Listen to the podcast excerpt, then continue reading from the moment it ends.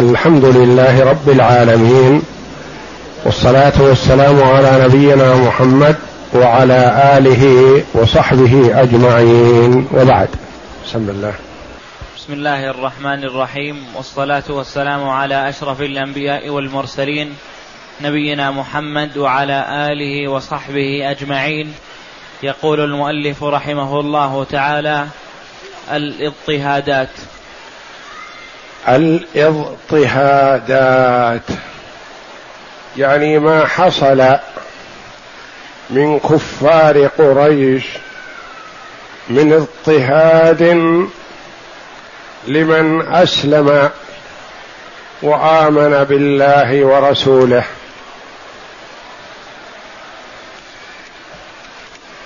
فهم سلكوا سبلا قبل الاضطهاد لعل من أسلم يرجع يتراجع عن دينه وإيمانه بالله ورسوله فلما لم تفد الوسائل التي أخذوها اتخذوها من قبل لجأوا إلى الاضطهادات. نعم.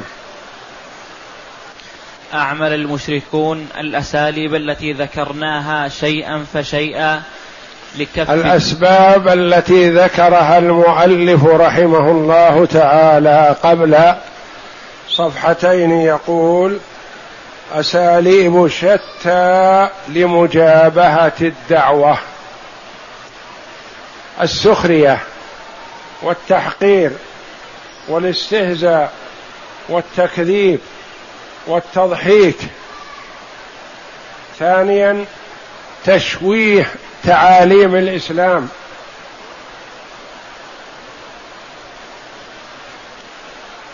ثالثا معارضة القرآن بأساطير الأولين. رابعا مساومات حاولوا بها أن يلتقي الإسلام والجاهلية في منتصف الطريق. بأن يشرك المشركون بعض بأن يترك المشركون بعض ما هم عليه ويترك النبي صلى الله عليه وسلم بعض ما هو عليه. كما قال الله جل وعلا عن ذلك بأنهم ودوا لو تدهنوا فيدهنون. هذه الأساليب اتخذوها أول قبل القوة والغطرسة والتجبر على عباد الله. ظنوا أن هذه الأشياء كافية في رد المسلمين عما هم عليه. وهم لا يزالون في مساومة مع أبي طالب لمنع محمد صلى الله عليه وسلم عن دعوته. لما لم تفد هذه الأساليب لأن من خالط الإيمان بشاشة قلبه لن يتراجع.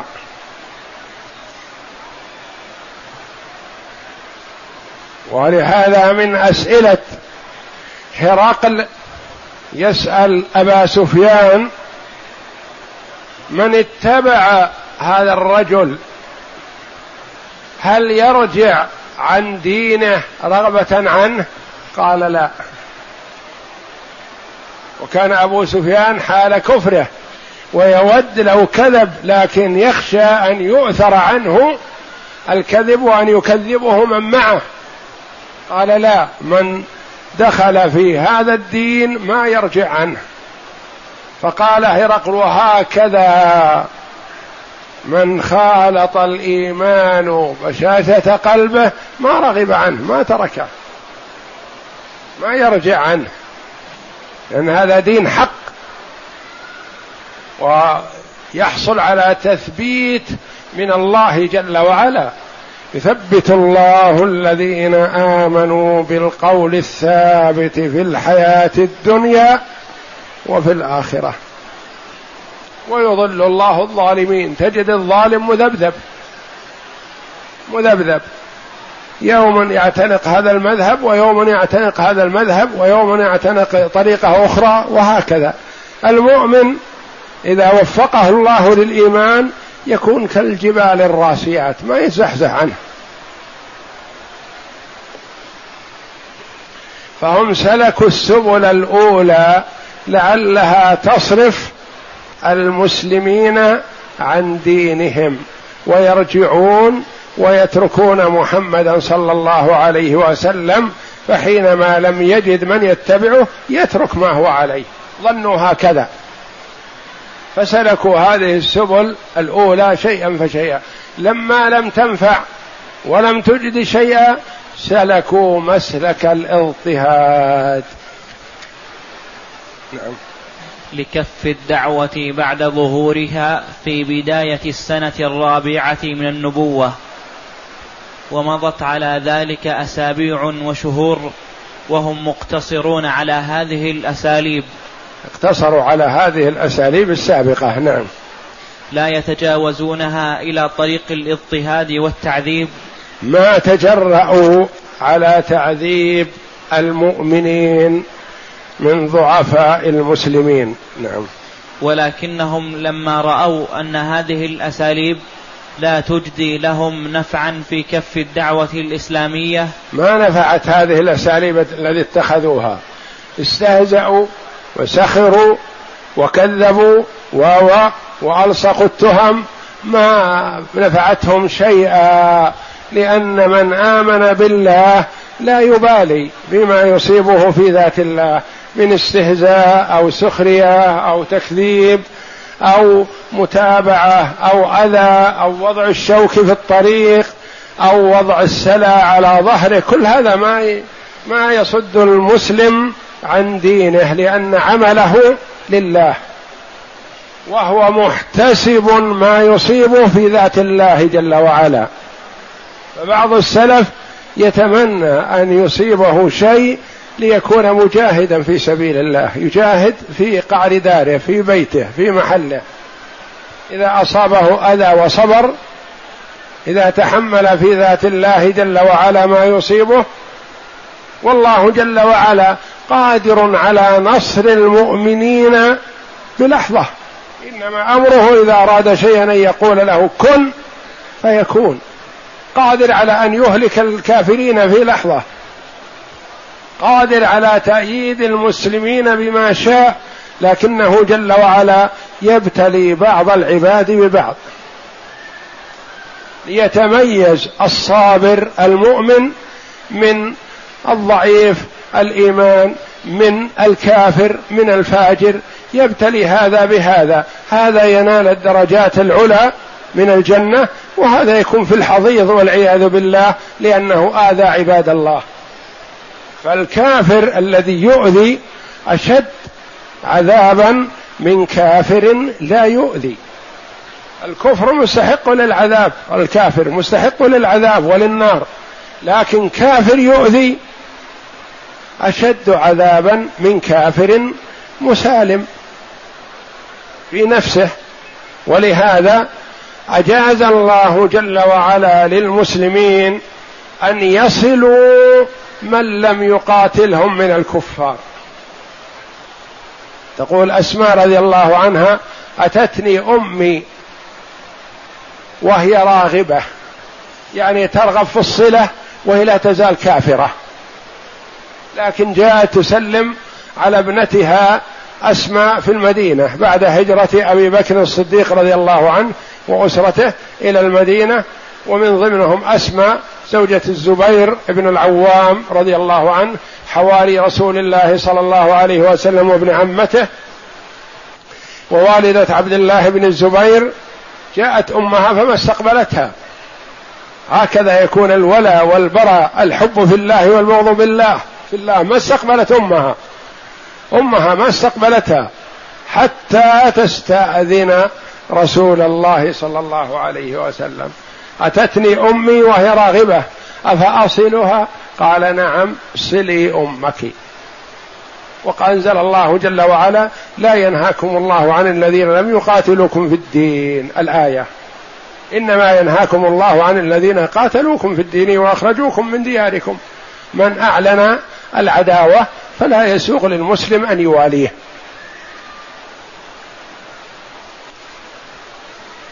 فالكفار اضطهدوا لما رأوا أن الأساليب الأولى ما تنفع تسلطوا على أذى من يستطيعون اذاه وهم فئات.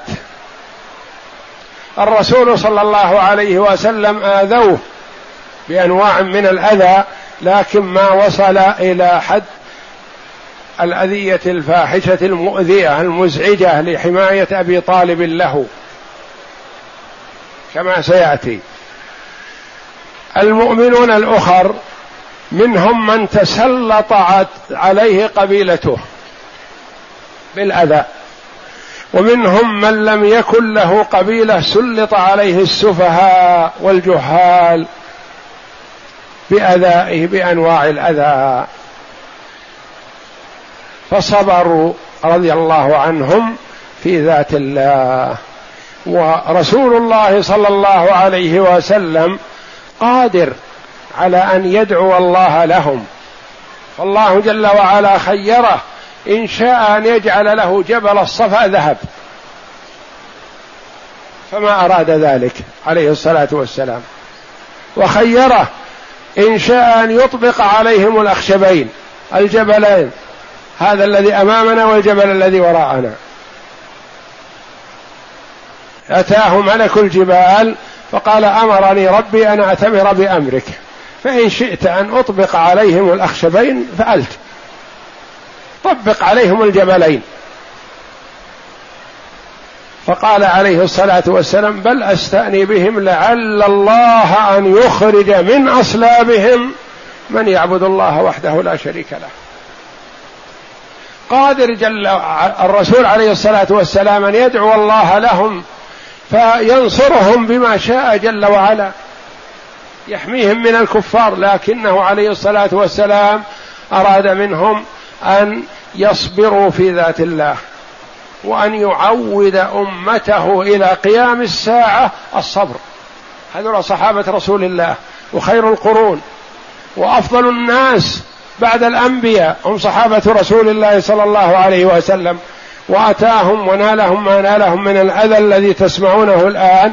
كانوا يجرون الواحد منهم على الجمر على ظهره عاري يجرونه على الجمر.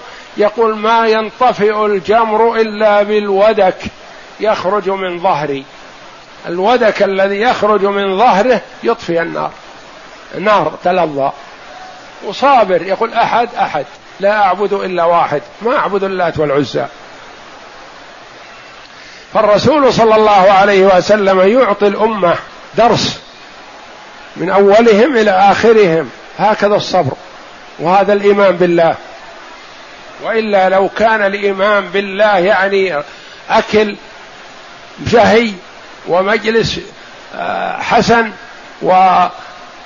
ودنيا متوفرة كان دخل في الإسلام من من يريد الدنيا. لكنه جل وعلا أراد أن يعلم عباده ويبتلي بعضهم ببعض ليرى رأي عين يستحقون عليه الثواب والعقاب. وإلا فالله جل وعلا يعلم الصابرين من غيرهم قبل أن يخلق الخلق. يعلم ما العباد عاملون قبل أن يخلقهم جل وعلا. لكن هذا العلم الذي هو علم الله ما يستحقون به الثواب والعقاب. وإنما يستحقون الثواب والعقاب بما يصدر منهم من أعمال. فيثيب من أطاعه ويعاقب من عصاه إذا شاء جل وعلا. نعم. اجتمعوا مرة أخرى وكونوا منهم لجنة أعضاؤها خمسة وعشرون رجلا من سادات قريش. يعني كبراء قريش. لما اهتموا لهذا الأمر العظيم لا بد من التشاور والرأي الفردي ما يفيد عندهم.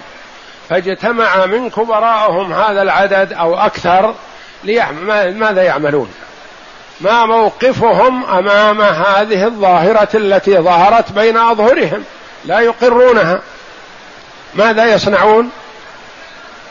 نعم. رئيسها وهم كما وصفهم النبي صلى الله عليه وسلم رجال من ناحية الدنيا ومن ناحية الأفكار الدنيوية. رجال. لكن عمل بصيره والعياذ بالله والكفر والشرك أضلهم. ولا كما قال أحد الأنصار رضي الله عنهم في غزوة بدر يقول لما رجع من بدر قال ما هم إلا بمثابة الشياه منحنا رقابهم نقتل ونأسر.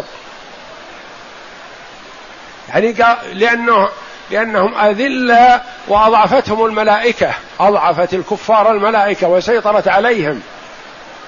فصاروا بمثابة الشياه والخرفان في موقعة بدر.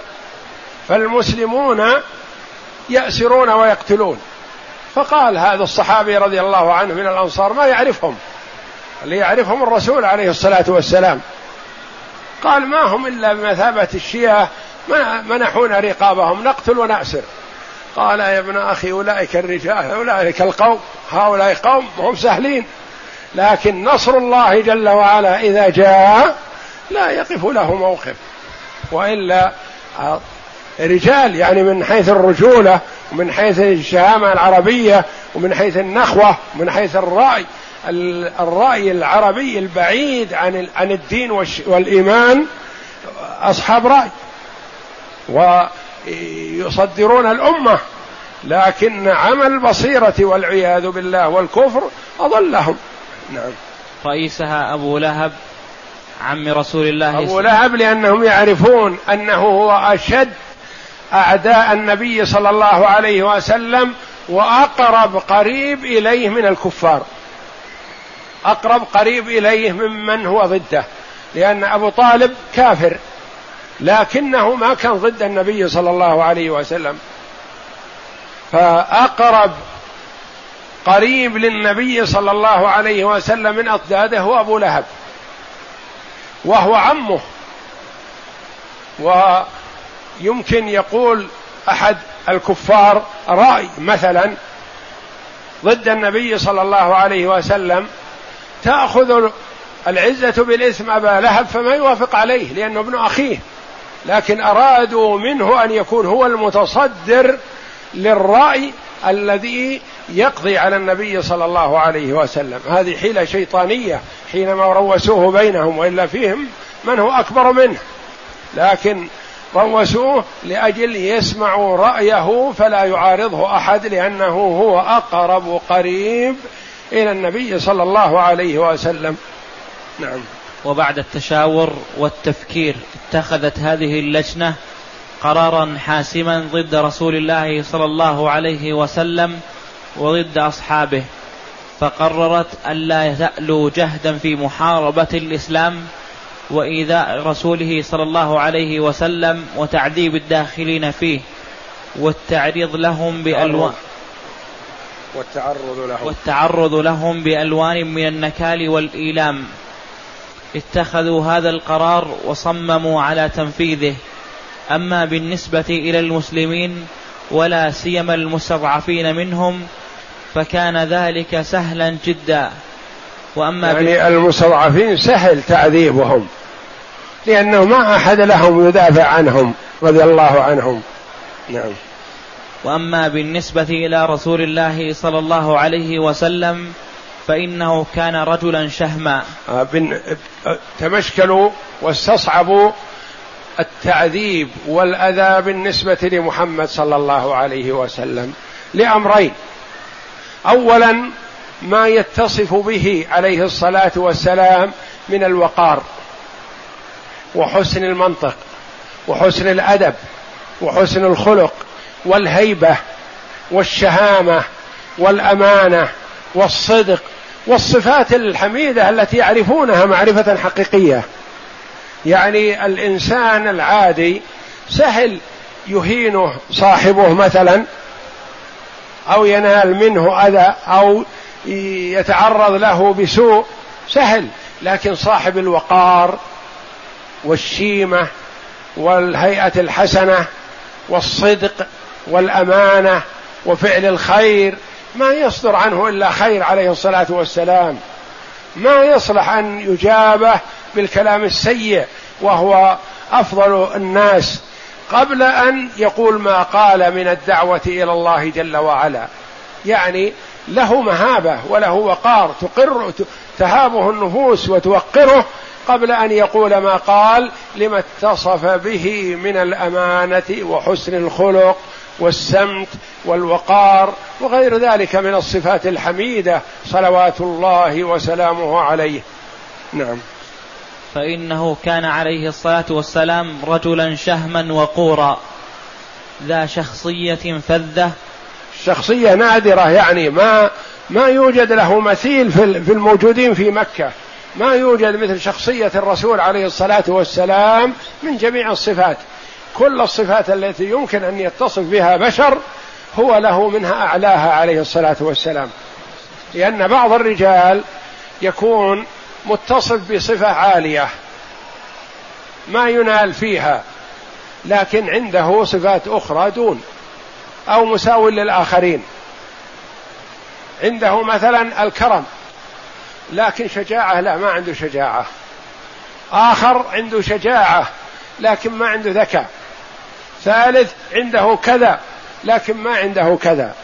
النبي عليه الصلاة والسلام ما من صفة يمكن أن يتصف بها بشر إلا وله أعلاها كما قال ربه جل وعلا وإنك لعلى خلق عظيم من جميع النواحي. ليس من ناحية دون ناحية مثل سائر الناس فهو من جميع النواحي عليه الصلاة والسلام المثل الأعلى. فأهل الشجاعة يقتدون به. أهل الكرم يقتدون به. أهل الأدب يقتدون به. وغير ذلك من الصفات الحسنة. الصدق الأمانة وغير ذلك. نعم. ذا شخصية فذة تتعاظمه نفوس الأعداء والأصدقاء. يعني حتى العدو يستعظمه يهابه. نعم. بحيث لا يقابل مثلها إلا بالإجلال والتشريف. ولا يعني ما يقابل مثل هذه الشخصية. مثلها يعني يعود إلى الشخصية الفذة. يعني ما يقابل يعني أنت حينما تقابل شخص في الشارع مثلا ذا وقار وهيئة وحسن آه، تجله. لو ما تعرفه. ولا تدري من ذا يكون هذا لكن هذا هيئته هيئة حسنة.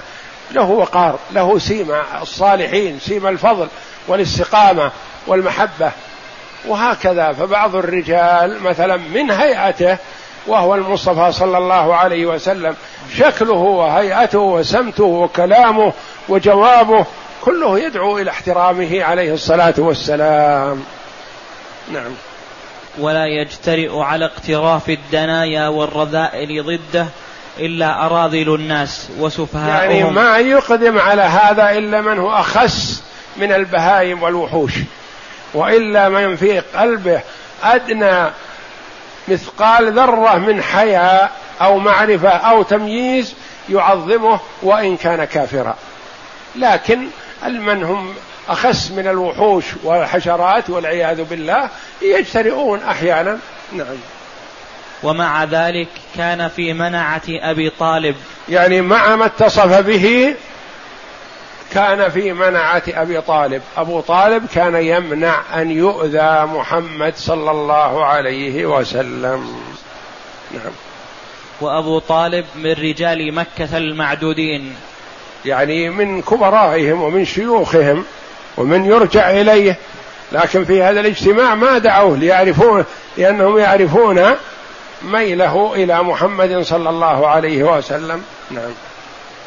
كان معظما في أصله معظما بين الناس. يعني في أصله في نسبه وشرفه. أبو طالب يعتبر من أشرف قريش. وكذلك في مقام بين الناس يعني أصله من صميم قريش من بني هاشم ووضعه بين الناس له احترام. نعم. فما يجسر أحد على إخفار ذمته واستباء يعني التناول من محمد صلى الله عليه وسلم لأن التناول والأذى لمحمد إخفار لذمة أبي طالب يعني إهانة لأبي طالب. فما أحد يستطيع أن يتقدم بإهانة أبي طالب في أذى ابن أخيه. نعم. واستباحة بيضته.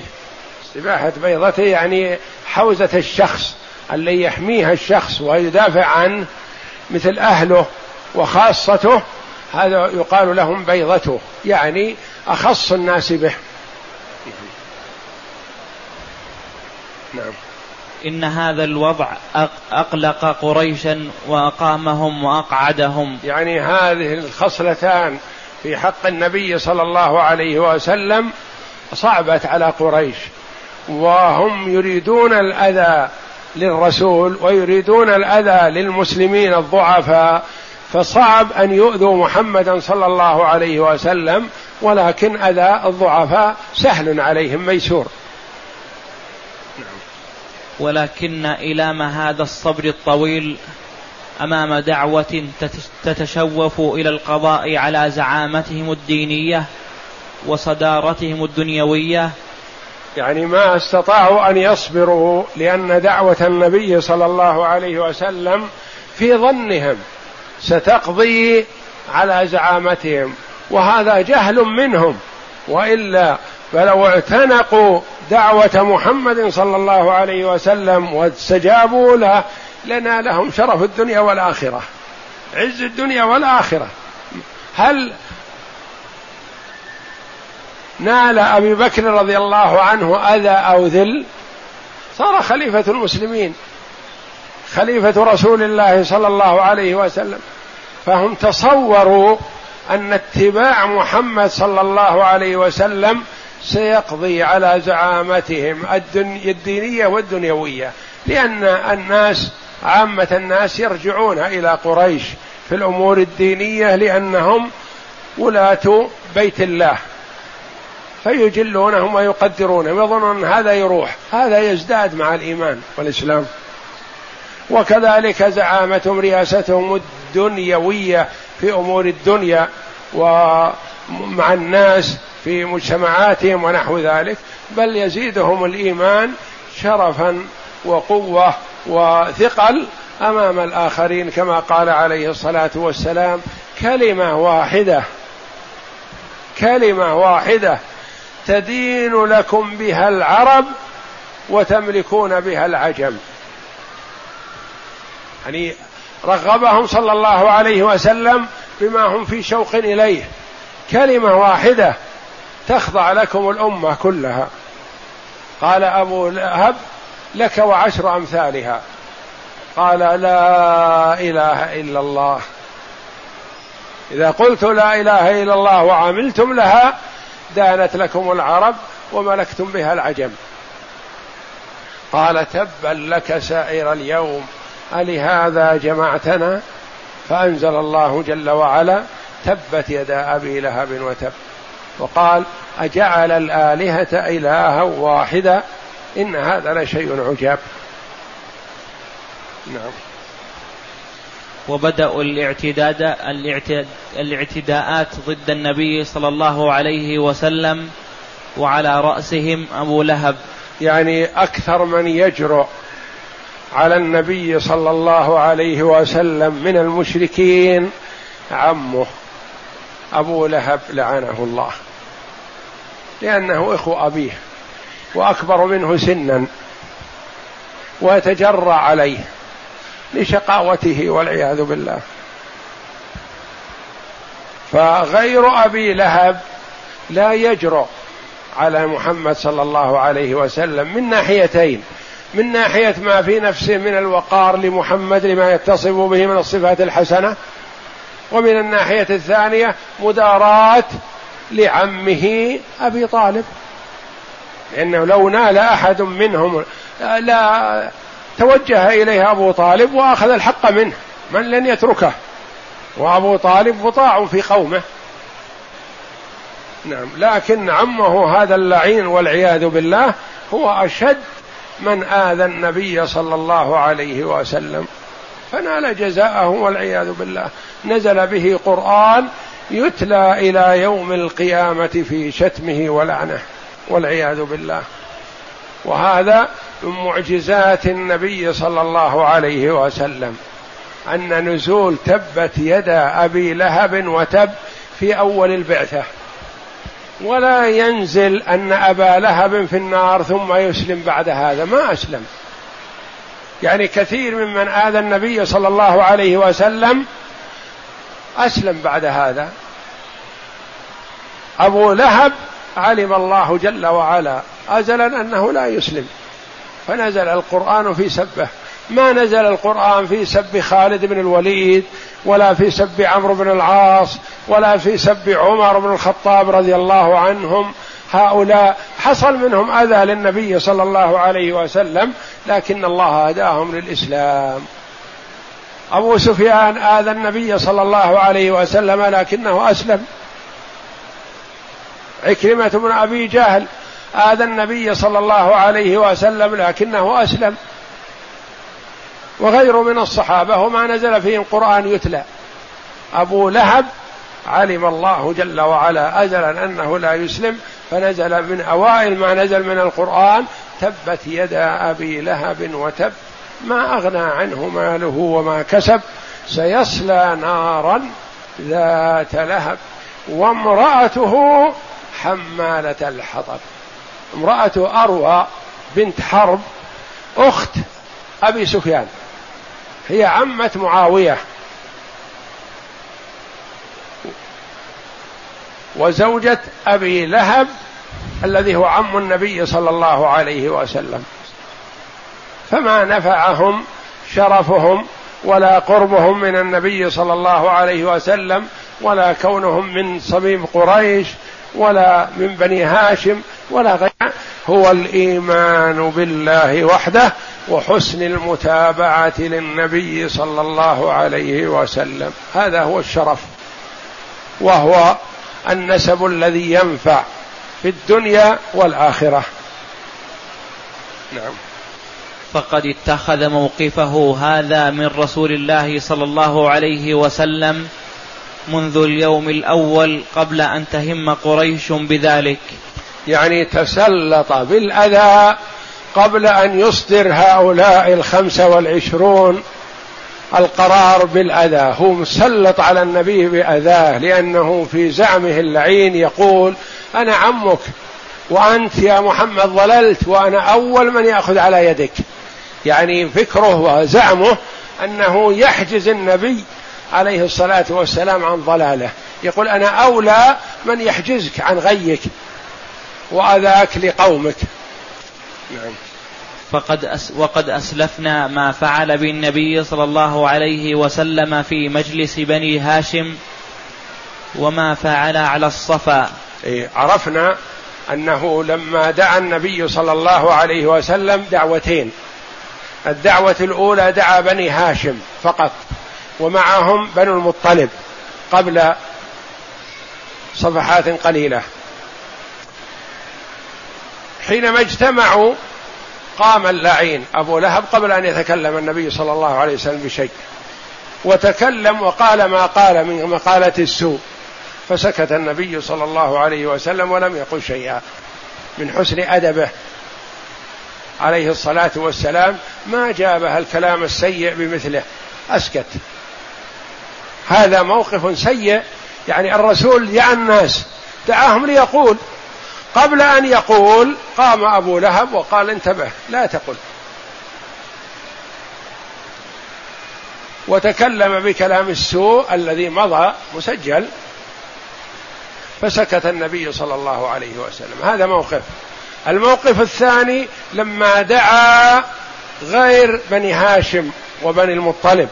دعا بطون قريش كلها على الصفا واجتمعوا وحضروا وقال لهم هذه المقالة كلمة تدين لكم بها العرب وتملكون بها العجم أو تدفع لكم الجزية بها العجم.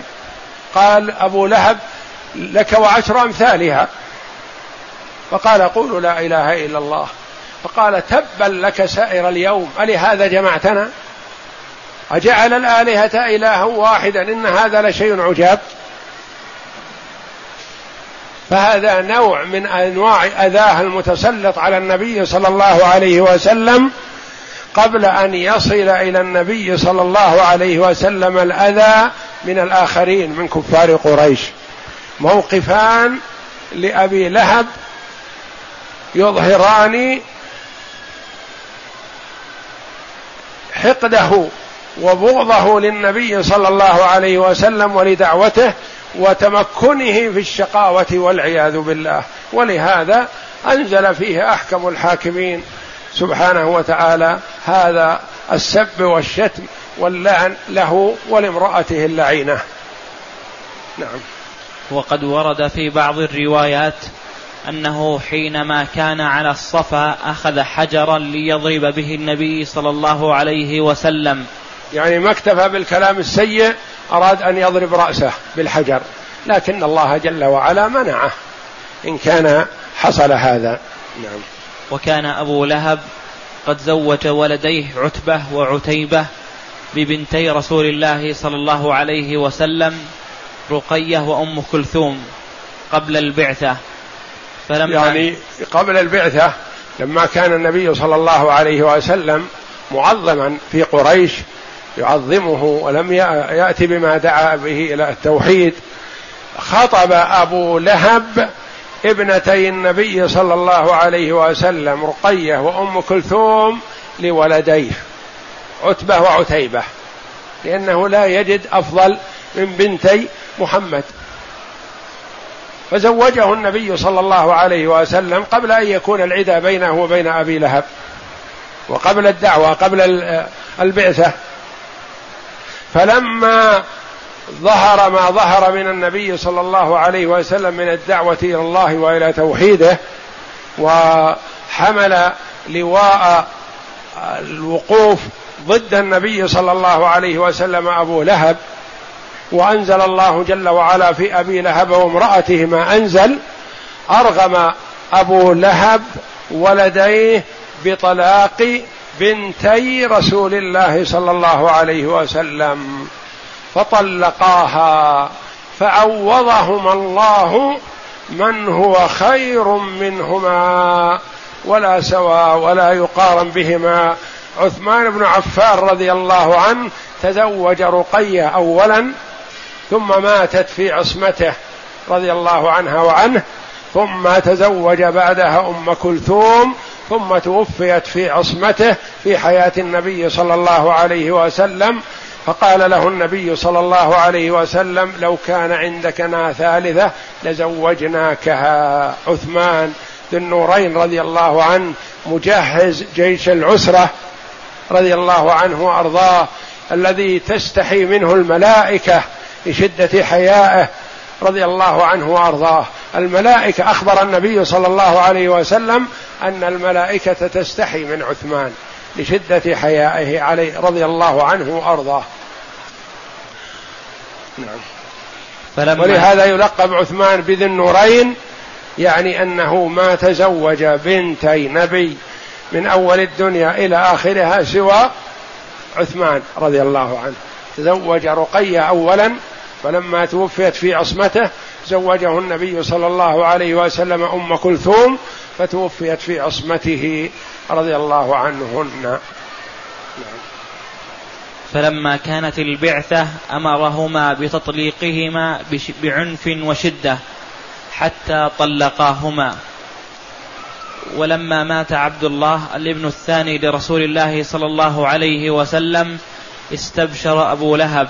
اللعين فرح بموت عبد الله ابن محمد صلى الله عليه وسلم وهو الابن الثاني الابن الأول القاسم والابن الثاني عبد الله والثالث الأخير الذي مات بعد إبراهيم لكن ليس من خديجة هؤلاء من خديجة القاسم وعبد الله فأبو لهب لما مات القاء عبد الله لأن عبد الله هو الذي مات في الإسلام.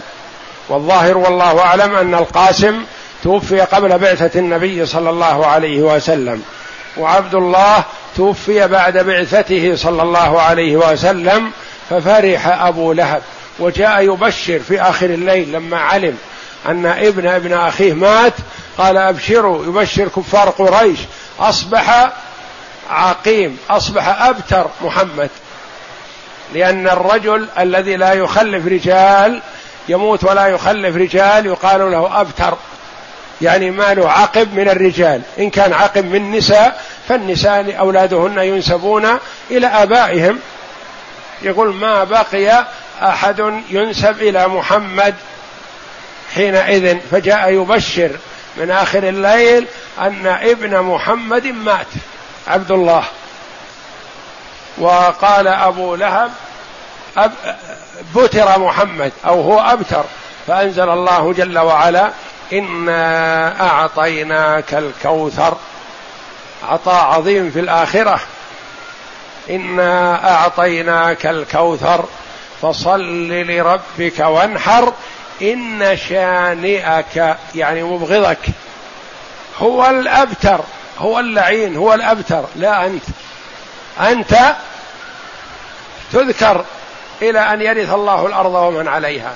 ما له أبناء لكن الأمة كلها أولاده بالتعليم والتأديب لا في النسب والولادة. النبي أولى بالمؤمنين من أنفسهم.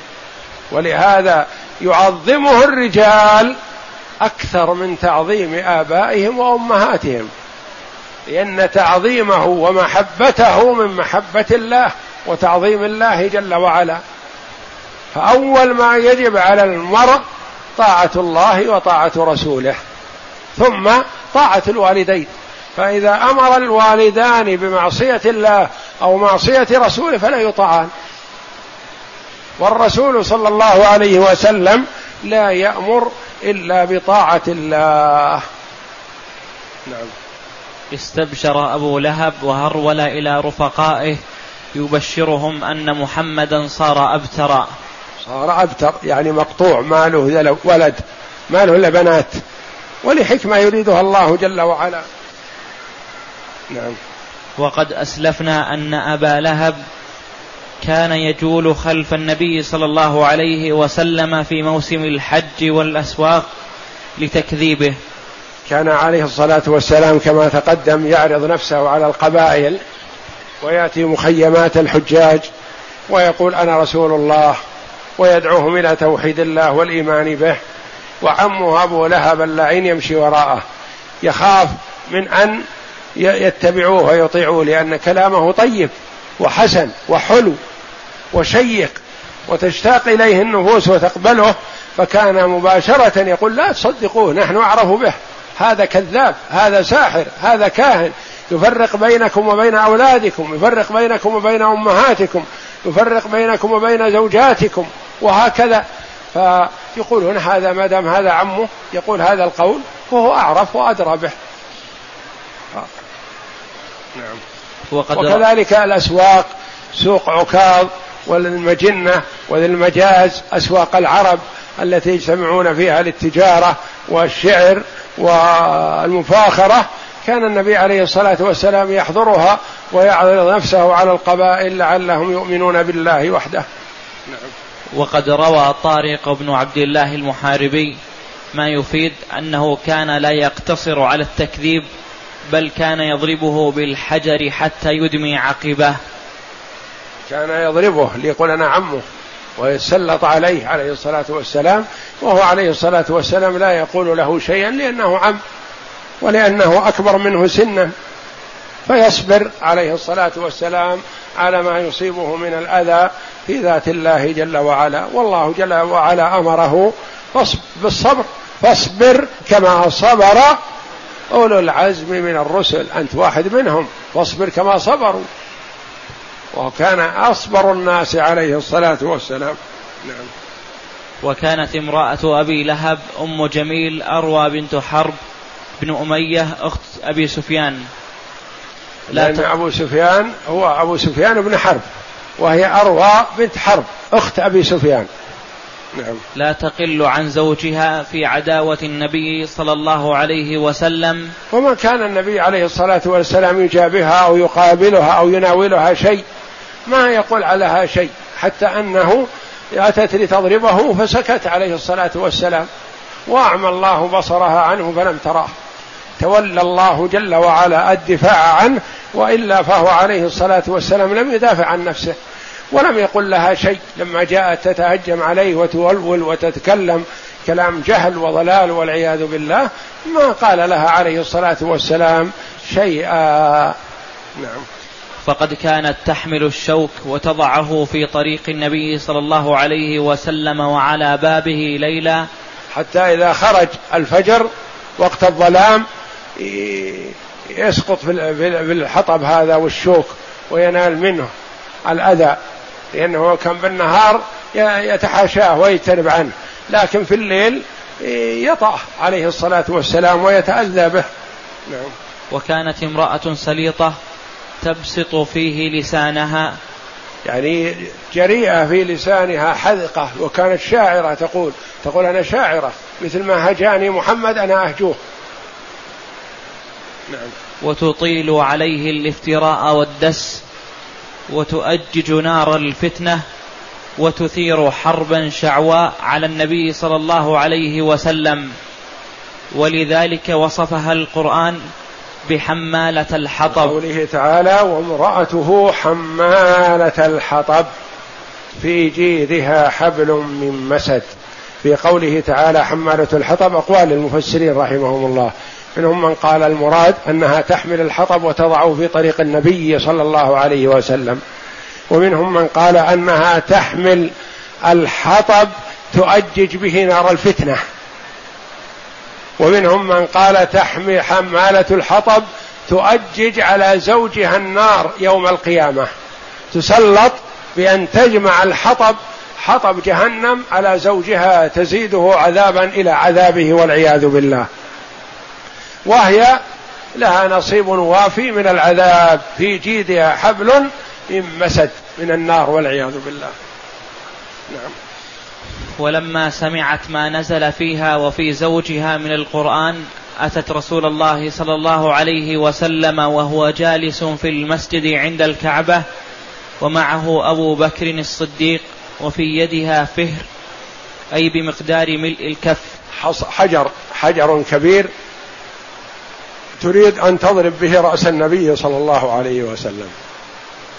من حجارة فلما وقفت عليهما أخذ الله وقفت على النبي وأبي بكر جميعا وهم جالسون معا. أخذ ما رأت النبي عليه الصلاة والسلام. أعمى الله بصرها أن ترى محمدا صلى الله عليه وسلم. نعم. أخذ الله ببصرها عن رسول الله صلى الله عليه وسلم فلا ترى إلا أبا بكر. فقالت يا أبا بكر أين صاحبك؟ أين صاحبك؟ أين صاحبك؟ قد بلغني أنه يهجوني. والله لو وجدته لضربته بهذا الفهر. فاه أما والله إني لشاعرة. ثم قالت مذ مما مذمما. مذمما عصينا وأمره أبينا ودينه قلينا. مذمم يعني بدل محمد الرسول اسمه محمد يعني كثير الحمد. محمد. هي عكسته قالت مذمم يعني مذموم. فالله جل وعلا يقول يقول محمد صلى الله عليه وسلم حفظ الله اسمي من أن يأتي على لسانها. تطهير وصيانه لاسم محمد صلى الله عليه وسلم أن يأتي على لسان هذه اللعينة. قالت مذمم. والصغير والكبير والرجال والنساء يعرفون أن رسول الله صلى الله عليه وسلم اسمه محمد وليس مذمم فجاءت باسم من عندها. مذمما عصينا يعني نعصوه. وأمره أبينا يعني ما نطيعه. ودينه قلينا يعني أبغضناه. هذا من شعرها لعنها الله. هي شاعرة تقول أنا شاعرة. مثل ما هجاني أنا أهجوه. وجاء أن النبي أن أبا بكر الصديق رضي الله عنه قال لا والله ما هجاك ولا يقول شعرا. وهو صادق. أولا أنه ما هجاها ثانيا أن الرسول ما يقول الشعر أبدا. ما يقول الشعر. وهذا ما هو هجو من الرسول وإنما هذا ذم من الله جل وعلا لهذه اللعينة. فقالت أنت صدوق يا أبا بكر أنت صدوق أنت صدوق. ما دام أنك تقول ما هجاني أنت صدوق. لعنها الله. نعم. ثم انصرفت فقال أبو بكر يا رسول الله أما تراها رأتك؟ فقال ما رأتني لقد أخذ الله ببصرها عني. أعمى الله جل وعلا بصرها عن الرسول صلى الله عليه وسلم لأنه عليه الصلاة والسلام منزه من أن يجابه امرأة أو يرد عليها أو يتكلم مع هذه الشقية اللعينة. فهي وسخة قذرة وهو أكرم الخلق عليه الصلاة والسلام. نعم. وروى أبو بكر البزار هذه القصة وفيها أنها لما وقعت على أبي بكر فقالت فق... أبا بكر. فقالت يا أبا بكر هجانا صاحبك فقال هجانا صاحبك. فقال أبو بكر لا ورب هذه البنية بنية لا ورب هذه البنية يشير إلى الكعبة. يقول لا ورب الكعبة ما هجاك. وهو صادق رضي الله عنه.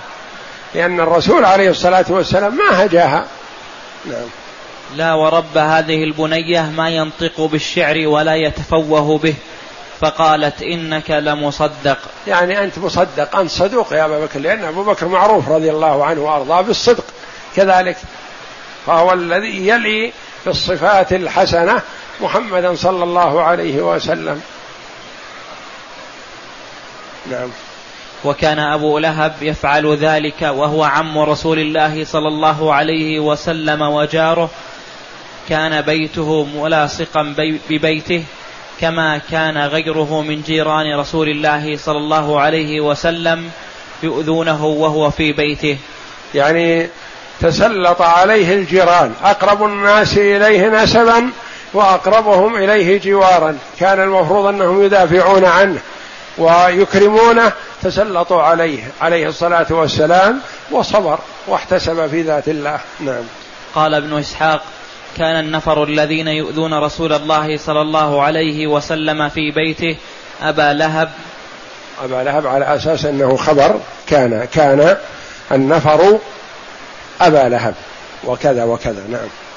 والحكم بن أبي العاص. الحكم كلها منصوبة والحكم بن أبي العاص بن أمية وعقبة بن أبي معيط. الحكم بن أبي العاص هذا أسلم من هؤلاء والبقية ما أسلموا. الذين آذوا النبي أما الحكم هو أسلم هو والد مروان ابن الحكم وقد أسلم. الحكم نعم.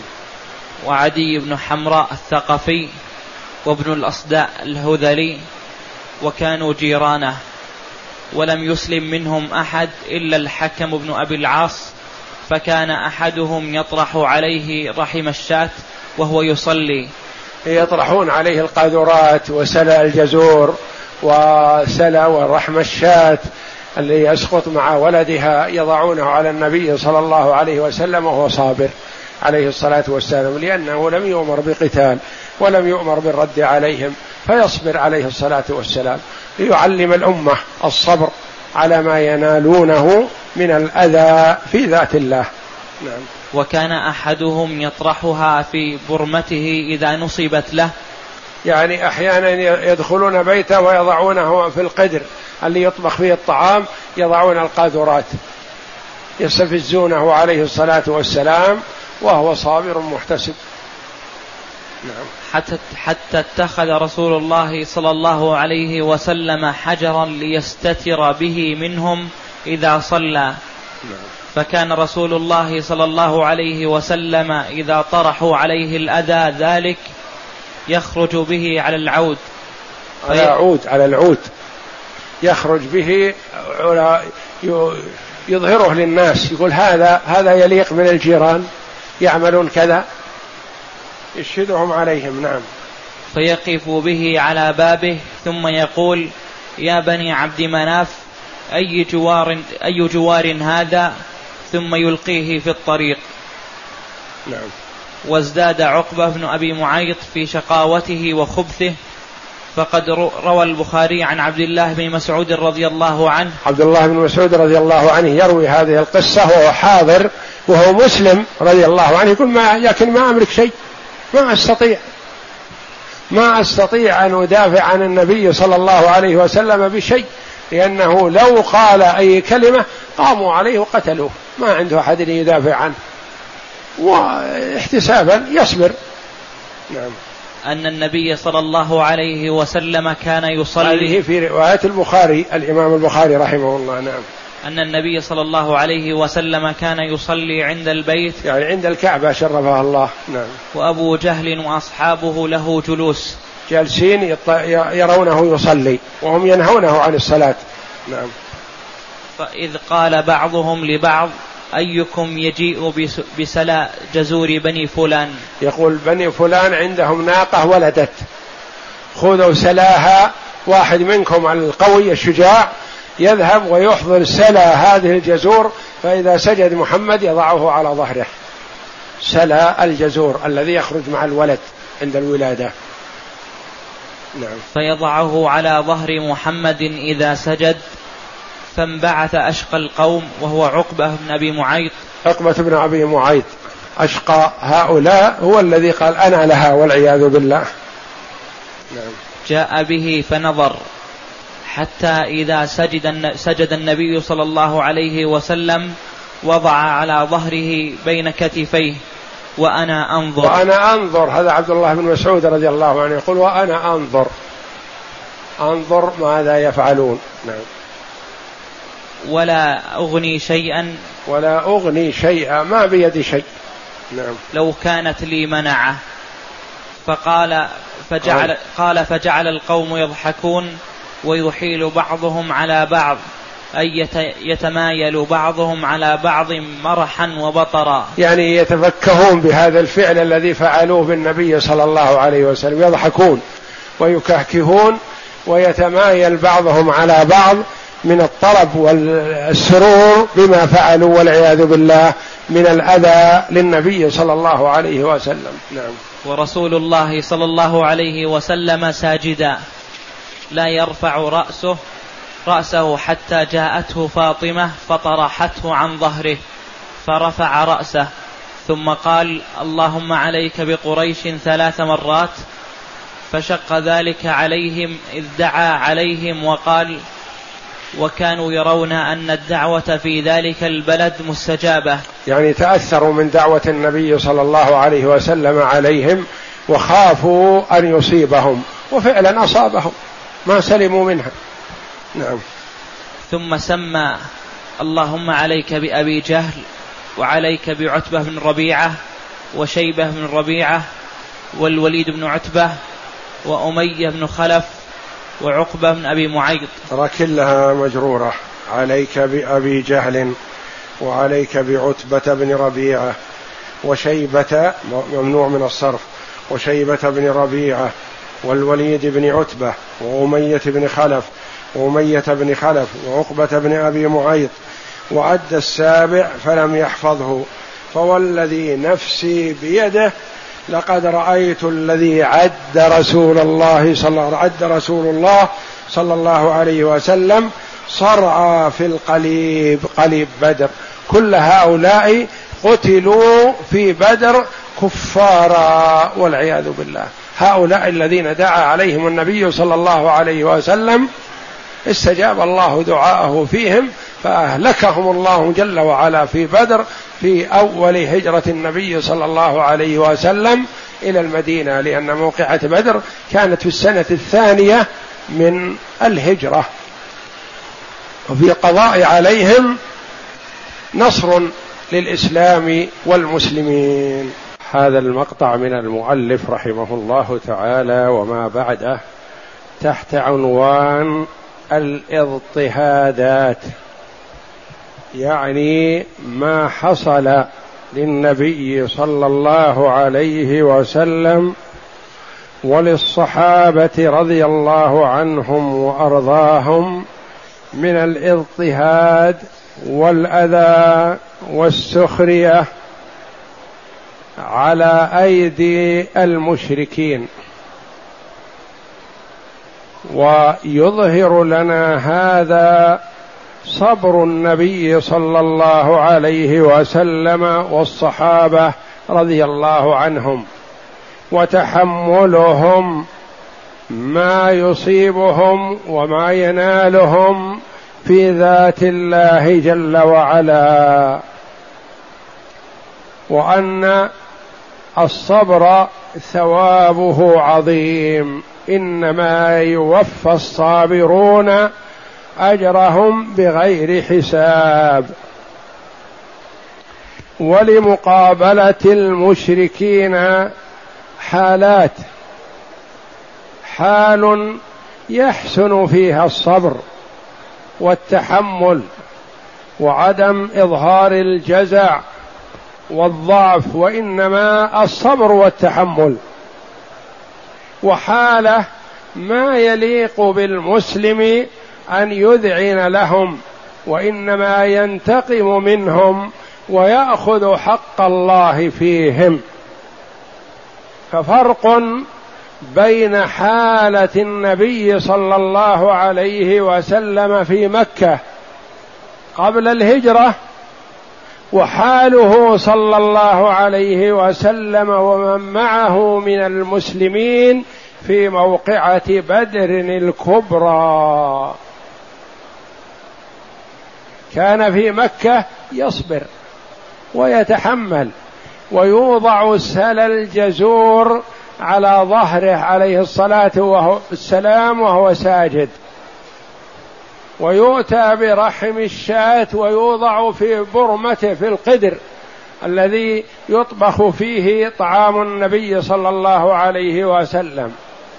ويأتون بالشوك ليلا ويضعونه في بابه إذا خرج آخر الليل يؤذيه الشوك ويصبر ويتحمل. ويأتي الشقي عقبة بن ابو أبي معيط ويدفل في وجه النبي صلى الله عليه وسلم ويصبر.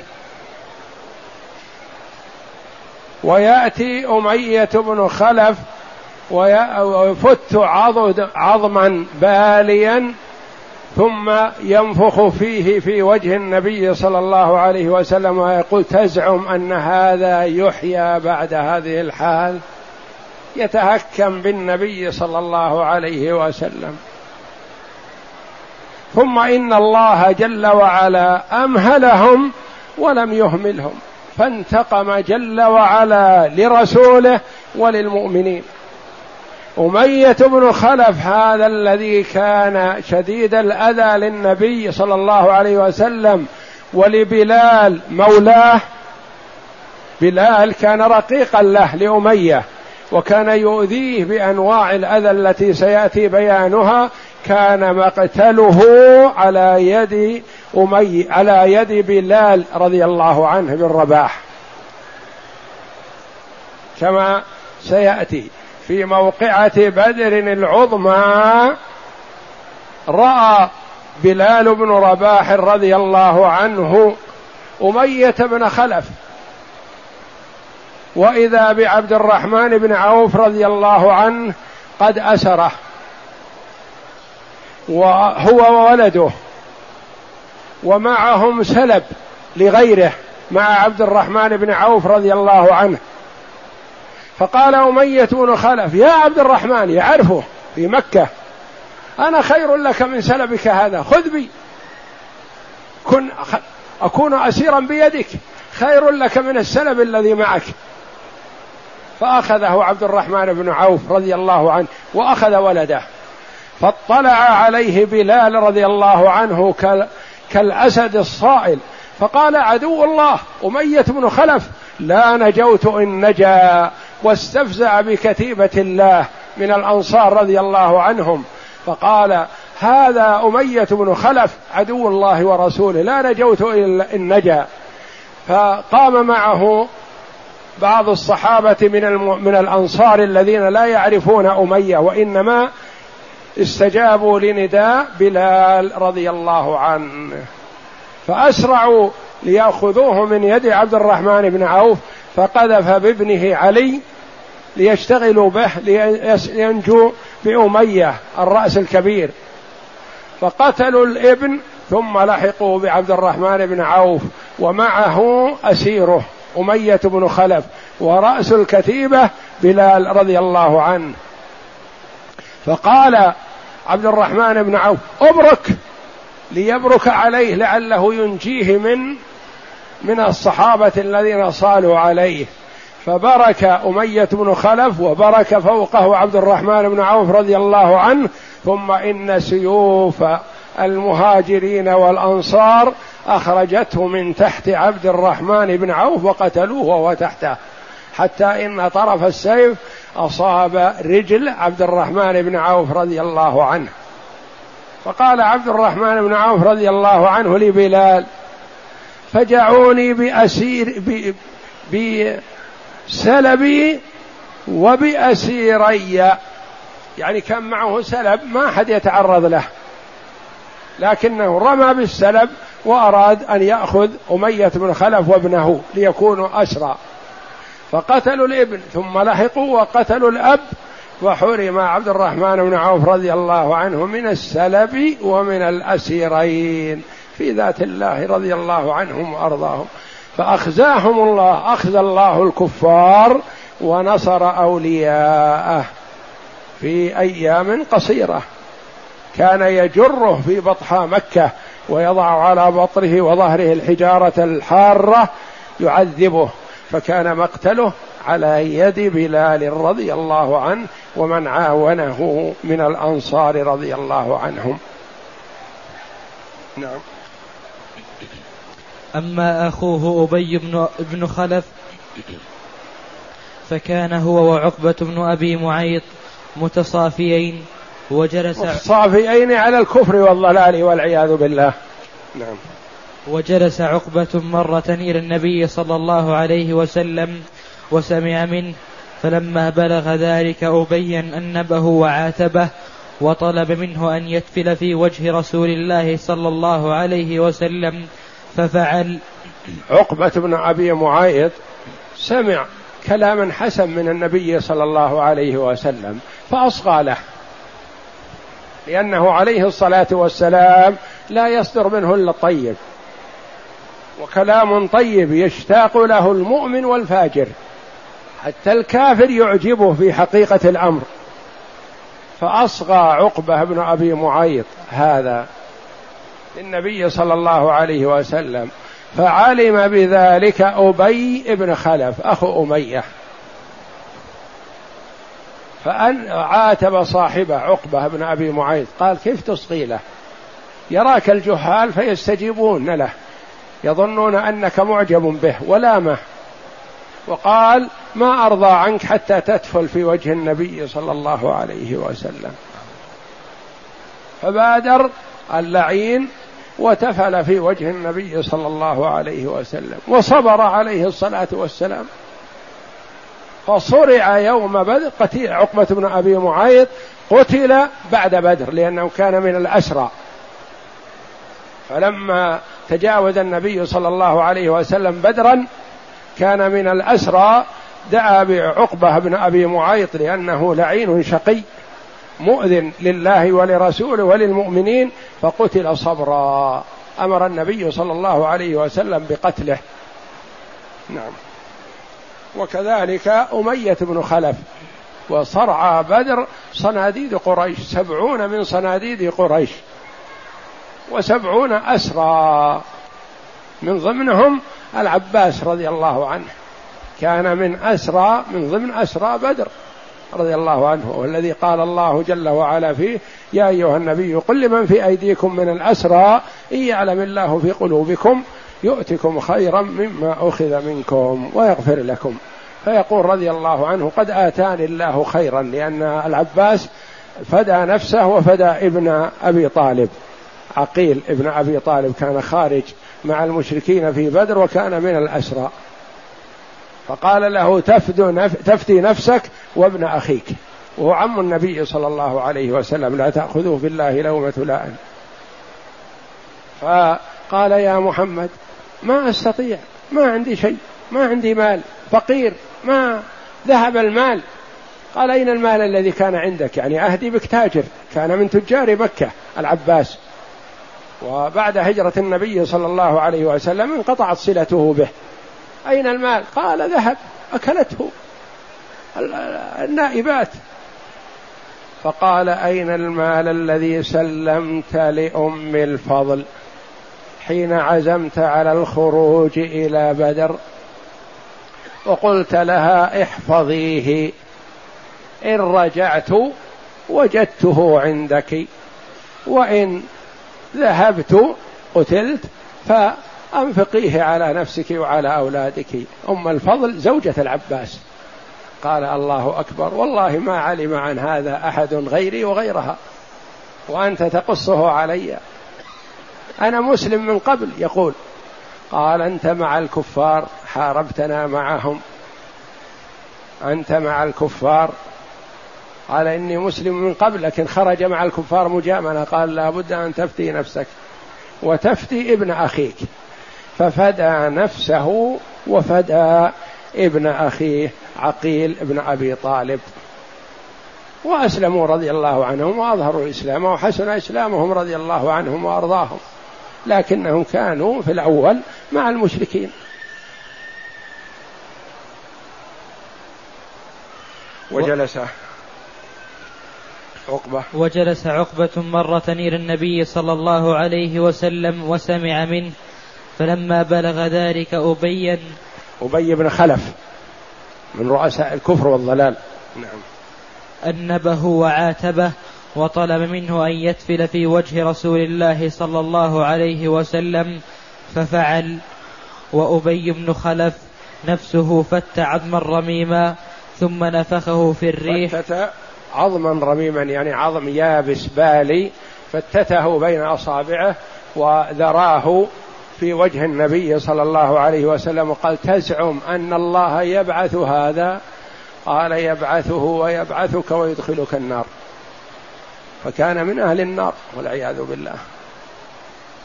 نعم. ثم نفخه في الريح نحو رسول الله صلى الله عليه وسلم.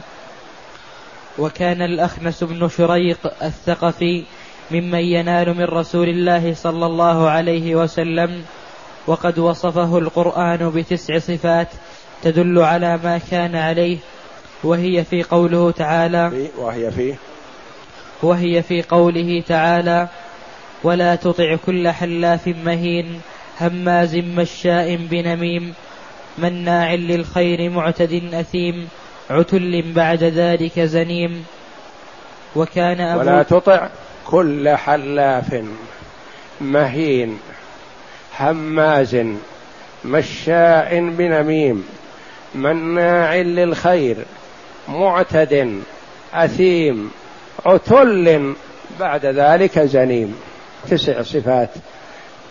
نعم. وكان أبو جهل يجيء أحيانا إلى رسول الله صلى الله عليه وسلم يسمع منه القرآن. أبو جهل اللعين يأتي يستمع لقراءة النبي صلى الله عليه وسلم تعجبه. لكن الكبر والغطرسة والعياذ بالله حمله على الكفر وإلا ما يسمعون من النبي صلى الله عليه وسلم إلا حق وما يسر. نعم. ثم يذهب عنه فلا يؤمن ولا يطيع ولا يتأدب ولا يخشى. ويؤذي رسول الله صلى الله عليه وسلم بالقول ويصد عن سبيل الله. وكان عنده من الحكمة والمعرفة لكنه عمي عن الحق والعياذ بالله. وكان يسمونه يكنى أبو الحكم فكناه النبي صلى الله عليه وسلم أبو جهل. يعني ليس عنده شيء من الحكمة. لمعاداته للنبي صلى الله عليه وسلم ووقوفه في طريقه عليه الصلاة والسلام. نعم. ثم يذهب مختالا بما يفعل. بما يفعل من أذية النبي صلى الله عليه وسلم والفقراء من المسلمين رضي الله عنه. يتبجح ويذكر هذا من محاسنه. فعلت وفعلت. نعم. فخورا بما ارتكب من الشر كأنما فعل شيئا يذكر وفيه نزل فلا صدق ولا صلى وكان يمنع النبي صلى الله عليه وسلم عن الصلاة منذ أول يوم رآه يصلي في الحرم ومرة مر به وهو يصلي عند المقام فقال يا محمد ألم أنهك عن هذا؟ يقول نهيتك عن الصلاة. لا تصلي. لا تفعل هذه الأفعال. بغير اللات والعزى. نعم. وتوعده فأغلظ له رسول الله صلى الله عليه وسلم وانتهره. فقال يا محمد بأي شيء تهددني؟ أما والله إني لأكثر هذا الوادي ناديا. فأنزل يعني أن اللي يجتمعون حولي من أعواني وأنصاري أنا أكثر أهل مكة من يجد الأعوان والأنصار. كيف تنتهرني كيف تتوعدني لأن النبي صلى الله عليه وسلم توعده إن لم يكف شره. مع أنه عليه الصلاة والسلام دعا قال اللهم أيد الإسلام بأحب العمرين إليك. عمر بن الخطاب وعمر أبو جهل هذا لأن عندهم قوة فكان أحب العمرين إلى الله جل وعلا. عمر بن الخطاب رضي الله عنه فهداه الله للإسلام وكان في الأصل في الأول من ألد وأشد أعداء النبي صلى الله عليه وسلم. فأنزل فليدعو ناديه. وفي رواية أن النبي يعني يقول إن عندي أعوان كثير ما تستطيعني أنت ولا ربك والعياذ بالله. ما تستطيع أن تؤذيني بشيء لا أنت ولا ربك. أنا أعظم أهل الوادي وادي مكة أعظمهم ناديا. يعني إن حولي أناس كثر يدفعون عني ويناصرونني. نعم. وفي رواية أن النبي صلى الله عليه وسلم أخذ بخناقه وهزه وهو يقول له أولى لك فأولى ثم أولى لك فأولى. فقال عدو الله أتوعدني يا محمد؟ والله لا تستطيع أنت ولا ربك شيئا وإني لأعز من مشى بين جبليها. يقول أنا أعز من مشى في مكة بين جبلي مكة. نعم. ولم يكن أبو جهل ليفيق من غباوته بعد هذا الانتهار. يعني انتهره النبي صلى الله عليه وسلم وقال له أولى لك فأولى ثم أولى لك فأولى. يعني أما آن لك أن ترشد أما آن لك أن تدرك تعرف الحق الذي معي. نعم. بل ازداد شقاوة فيما بعد. أخرج مسلم عن أبي هريرة قال قال أبو جهل يعفر محمد وجهه بين يعفر محمد. يعفر محمد وجهه بين أظهركم. يعني أبو جهل يلوم كفار قريش. يقول ترون محمد يعفر وجهه سجودا لله وترضون وتسكتون؟ ما يليق منكم. أن تتركوه يفعل هذا الفعل وتقرونه. والله لأن رأيته لأطعن على رقبته. يحلف اللعين أو باللات والعزى يحلف. إن رأى محمد يعفر وجهه بالتراب ليعفرن وجهه بالتراب ولا يطأن على رقبته. وعزم على هذا لكن حالت بينه وبينه الملائكة. نعم. فقيل نعم. فقال واللات والعزى. يقسم أبو جهل في اللات والعزى. نعم. لئن رأيته لأطأن على رقبته ولا أعفرن وجهه. فأتى رسول الله صلى الله عليه وسلم وهو يصلي زعم ليطأ رقبته فما فاجأهم إلا وهو ينكص على عقبيه ويتقي بيديه. فقالوا ما لك يا أبا الحكم؟ وأبو الجهل يعني حينما تقدم ليطأ على رقبة النبي صلى الله عليه وسلم وليعفر وجهه بالتراب رجع رجع القهقرة ووضع يديه أمامه. لأنه يشاهد شيء ما يشاهدونه هم يرجع يرجع على وراء خايفا منهم. ولا يستطيع أن يفترك لأنهم يأتونه من الخلف. ويرجع على الوراء حتى وهو يراهم. يرى الملائكة. يرى الزبانية ستأخذه. فيرجع ويضع يديه أمامه يعني كوقاية له. قالوا ما لك يا أبا الحكم؟ يعني شا رأوه يشاهد شيئا ما ويتصرف تصرفا غير مناسب وهم ما يرون أحد ولا يرون أحد أقبل عليه. نعم. قال إن بيني وبينه لخندقا من نار. خندق من نار زبانية. وهؤلاء أجنحة. فقال رسول الله صلى الله عليه وسلم لو دنا مني لاختطفته الملائكة عضوا عضوا. يخبر صلى الله عليه وسلم أنه لو دنا وقرب من النبي صلى الله عليه وسلم ليطع على رقبته وهو ساجد لأخذته الملائكة عضوا عضوا يعني كل واحد جر عضو منه. قطعوه وهم لا يرون أحد الآخرين. نعم. كانت هذه الاعتداءات بالنسبة إلى النبي صلى الله عليه وسلم مع يعني هذا التجرؤ من هؤلاء الظلمة على النبي صلى الله عليه وسلم مع حسن سمته واستقامته صلى الله عليه وسلم وحسن مظهره وهيبته والوقار الذي يخيم عليه لكنهم عتاة. ومع دفاع أبي طالب عنه وغير ذلك لكن ما سلم من شرهم مع هذه الأمور. نعم. كانت هذه الاعتداءات بالنسبة إلى النبي صلى الله عليه وسلم مع ما لشخصيته الفذة من وقار وجلال في نفوس العامة والخاصة ومع ما له من منعة أبي طالب أعظم رجل محترم في مكة. أما بالنسبة إلى المسلمين ولا سيما الضعفاء منهم فإن الإجراءات كانت أقسى من ذلك وأمر. يعني أقسى وأشد وأمر لأنه النبي صلى الله عليه وسلم ما يستطيعون يتجرؤون على بعض الأعمال. لكن بالنسبة لفقراء الصحابة وخاصة الموالي منهم تجرأوا عليهم بأشياء كثيرة من الأذى والنبي صلى الله عليه وسلم يوصيهم بالصبر. صبرا آل ياسر فإن موعدكم الجنة. يعذبون رضي الله عنهم. ياسر وأبوه وأمه ويصبرون ويمر عليهم النبي وهم يعذبون. وليس بيده شيء من إنقاذهم ما يستطيع.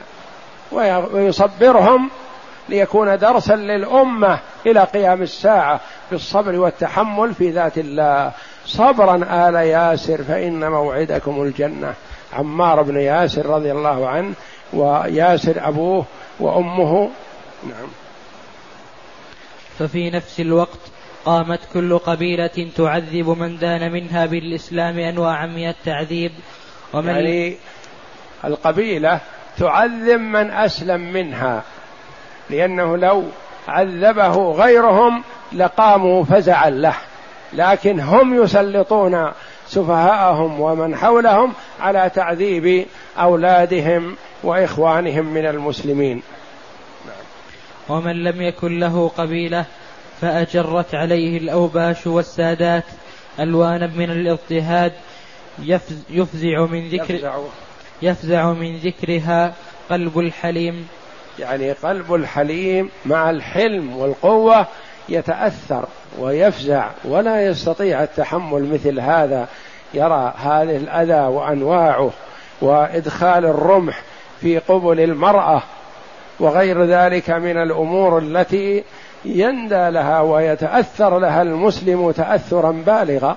لكن الأمر لله جل وعلا من قبل ومن بعد وليعطي الأمة دروسا يستفيد منها ويتحملون وتكون العاقبة حميدة بإذن الله نعم.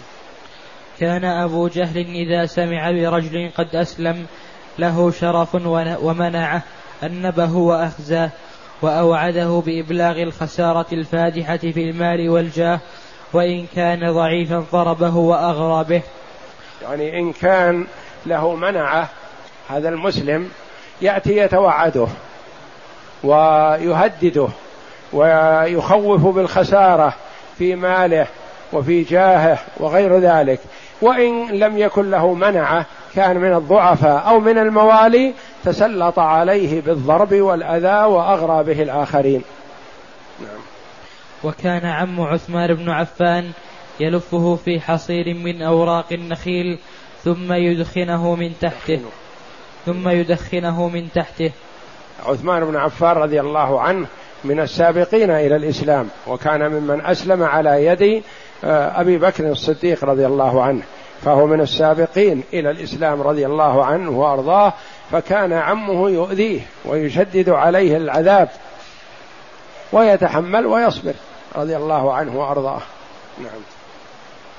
ولما علمت أم مصعب بن عمير بإسلامه أجاعته وأخرجته من بيته وكان من أنعم الناس عيشا فتخشف جلده تخشف الحية.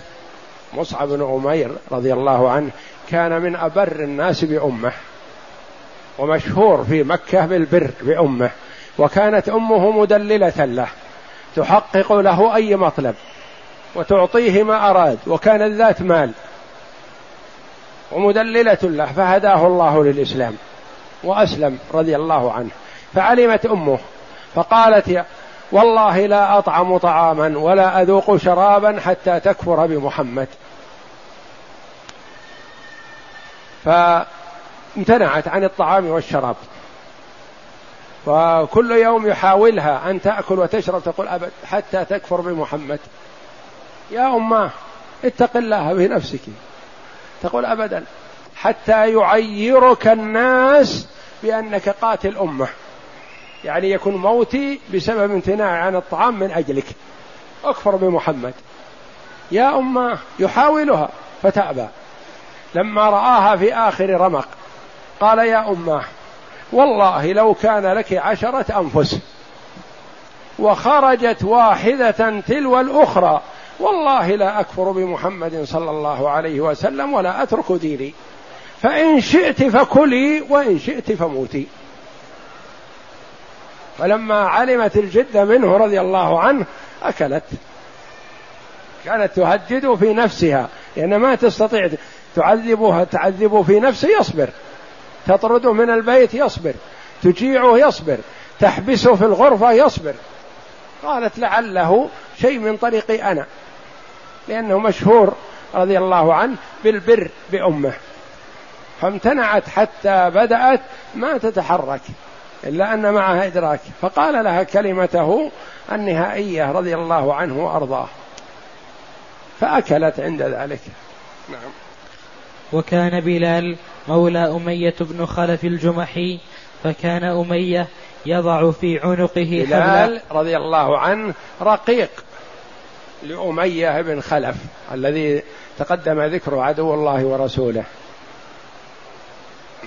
فكان أمية نعم. يضع في عنقه حبلا ثم يسلمه إلى الصبيان يطوفون به جبال مكة. لأنه رقيقه ملكه مملوك له. فيضع أمية في عنق بلال رضي الله عنه حبل ويسلم للصبيان ويقول جروه فيتجمع عليه المجموعة من الصبيان يجرونه من أرض إلى أرض ومن جبل إلى جبل يلعبون به. لأنه سلمهم إياه سيده مالكه. فهم مطمئنون أنه لن يطالب به أحد. فهم يريدون أن يهلكوه. ولحكمة أرادها الله جل وعلا كان القضاء على أمية بن خلف على يد بلال ابن أبي رباح رضي الله عنه. ليشفي قلوب المؤمنين جل وعلا. قاتلوهم يعذبهم الله بأيديكم ويخزهم وينصركم عليهم ويشفي صدور قوم مؤمنين ويذهب غيظ قلوبهم.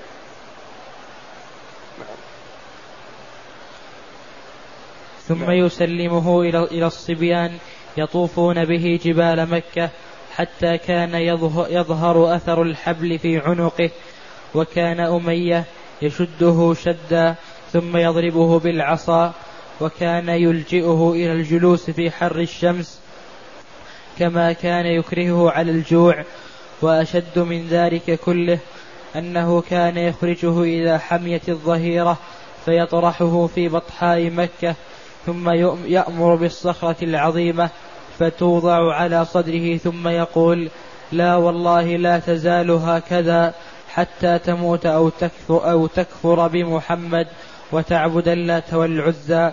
فيقول وهو في ذلك أحد أحد. يعني لا أعبد إلا الله الأحد سبحانه وتعالى الصمد. أحد أحد. يعني واحد.